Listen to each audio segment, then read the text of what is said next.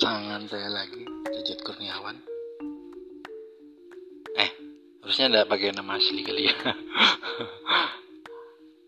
Jadi podcast yang baru ini saya mau lebih beragam gitu. Kebetulan saya juga penulis novel jadi saya buat audio novelnya gitu. Eh, ini saya mau ceritakan. Saat ini itu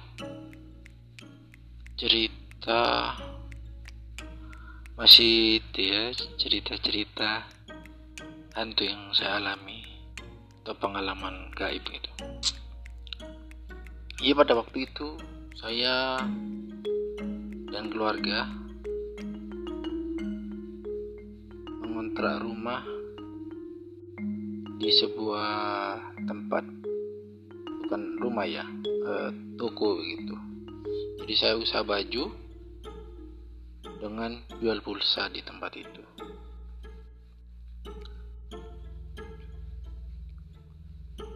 Sebelum sebelumnya lagi kan sebelumnya itu sebenarnya saya enggak enggak ngontrak sih. Jadi eh, keponakan saya ngontrak di situ tapi entah kenapa nggak dilanjutin jadi saya yang lanjutin gitu tempat kontrakannya sebelumnya itu yang kontrak itu orang Bali guys. Dia jualan pakan ternak. Dan dia mendapatkan tempat yang lebih besar sehingga dia pindah dari tempat itu. Nah di situ ada tempat untuk ini percaya atau tidak ya tempat untuk menaruh sesajen sama keponakan saya yang sebelumnya tinggal di situ diturunkan guys. Ah nanti saya cerita. Jadi di tempat itu juga banyak hal-hal yang misteri yang gaib yang saya alami. Wah semua cerita sudah merinding. Saya sering itu melihat anak saya. Pas pada mati lampu. Saya lihat anak saya ada di baju-baju. Ternyata dia lagi tidur di kamar. Ini pas saya ngontrak di itu di Jalan Dewi Sartika di Palu ya. Sekarang saya ceritakannya sekarang bangunannya sudah nggak ada. Sudah jadi sudah dijual sudah sudah dijadikan pertokoan gitu jadikan ruko.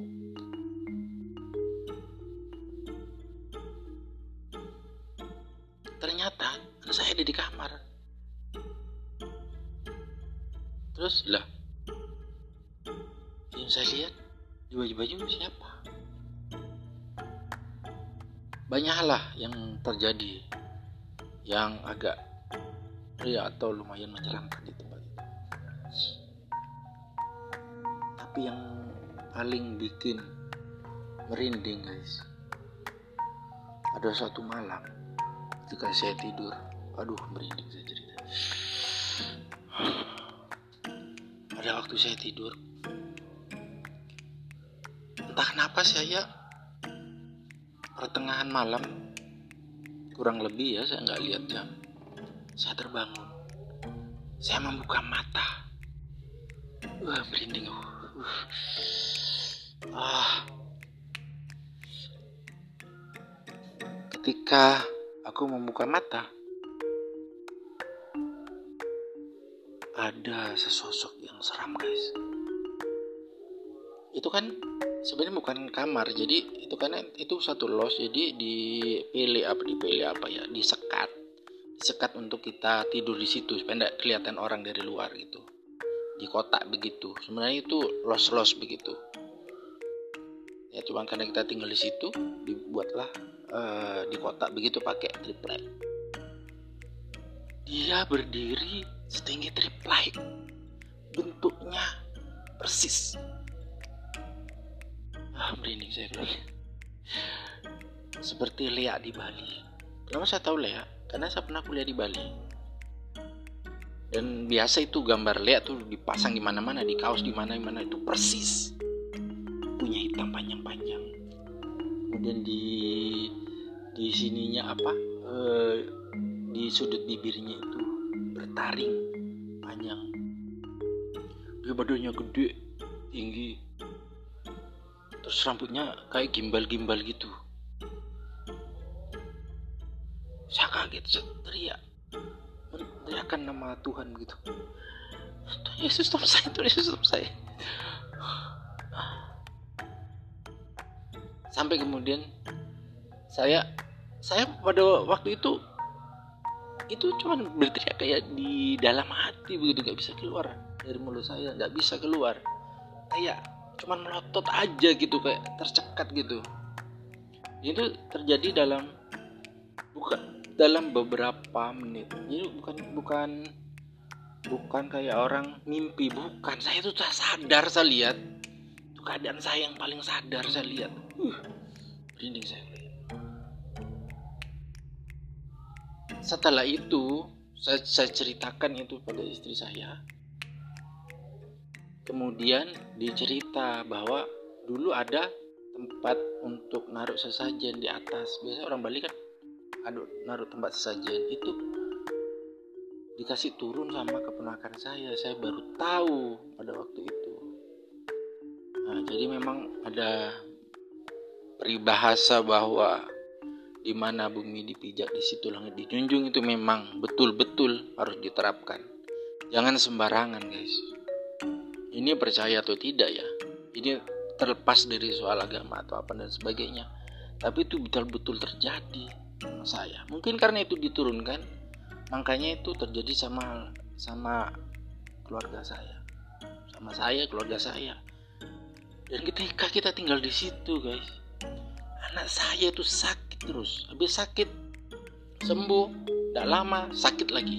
Sembuh tidak lama sakit lagi. Dua-duanya guys. Karena anak saya ada dua. Yang besar cewek yang uh, adiknya cowok.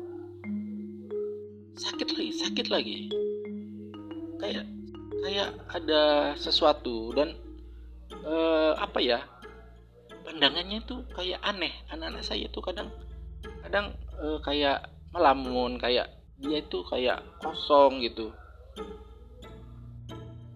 Begitu. Apalagi anak saya yang kecil. Karena dia autis dia tuh sering ngomong di tempat-tempat yang gak ada orang. Kayak ngejak omong. Ya memang belum bisa ngomong ya masa ngomongnya masih ngacau gitu. Karena anak autis kan bahasa planet itu. Tapi dia kayak ngomong sama seseorang di tempat yang nggak ada orangnya. Yang gitu. Kayak ngobrol asing sekali begitu. Nah, akhirnya kita memutuskan pindah dari tempat itu. Kami memang punya rumah di daerah Biromaru. Kalau yang dari orang Sulawesi Tengah tahu di daerah Biromaru kami memang punya rumah di situ rumah BPN yang kita kontrakkan sama orang. Tapi waktu itu lagi kosong. Jadi kami memutuskan untuk pindah saja ke Biromaru padahal itu kontraknya di situ belum habis. Masih lama masih eh, satu tahun atau setengah tahun atau hampir satu tahun. Saya kurang paham juga. Saya sudah lupa tapi itu yang jelas kontraknya masih lama masih belum habis. Dan baju-baju kita juga masih banyak belum terjual di situ.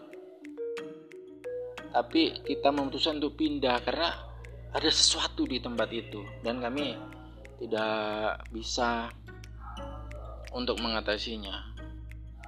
Dan ketika kami pindah rumah kami yang rumah milik kami sendiri bukan kontrak di situ kan kontrak. Memang sengaja cari tempat untuk usaha gitu. Anak-anak itu sehat semua. Gak sakit-sakit lagi. Kakaknya adiknya sehat semua. Gak ada sakit lagi.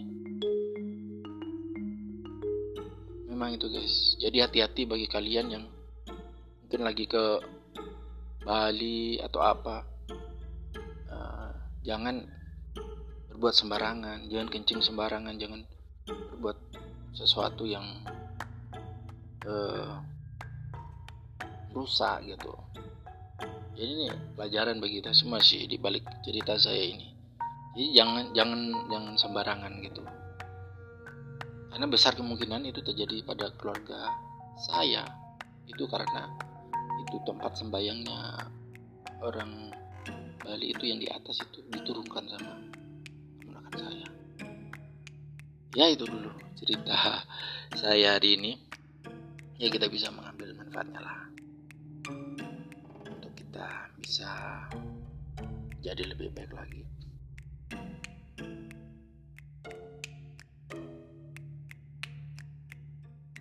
Jangan takut dengan hal yang seram. Karena hal yang seram melindungi kita dari keseraman. Coba. Bye.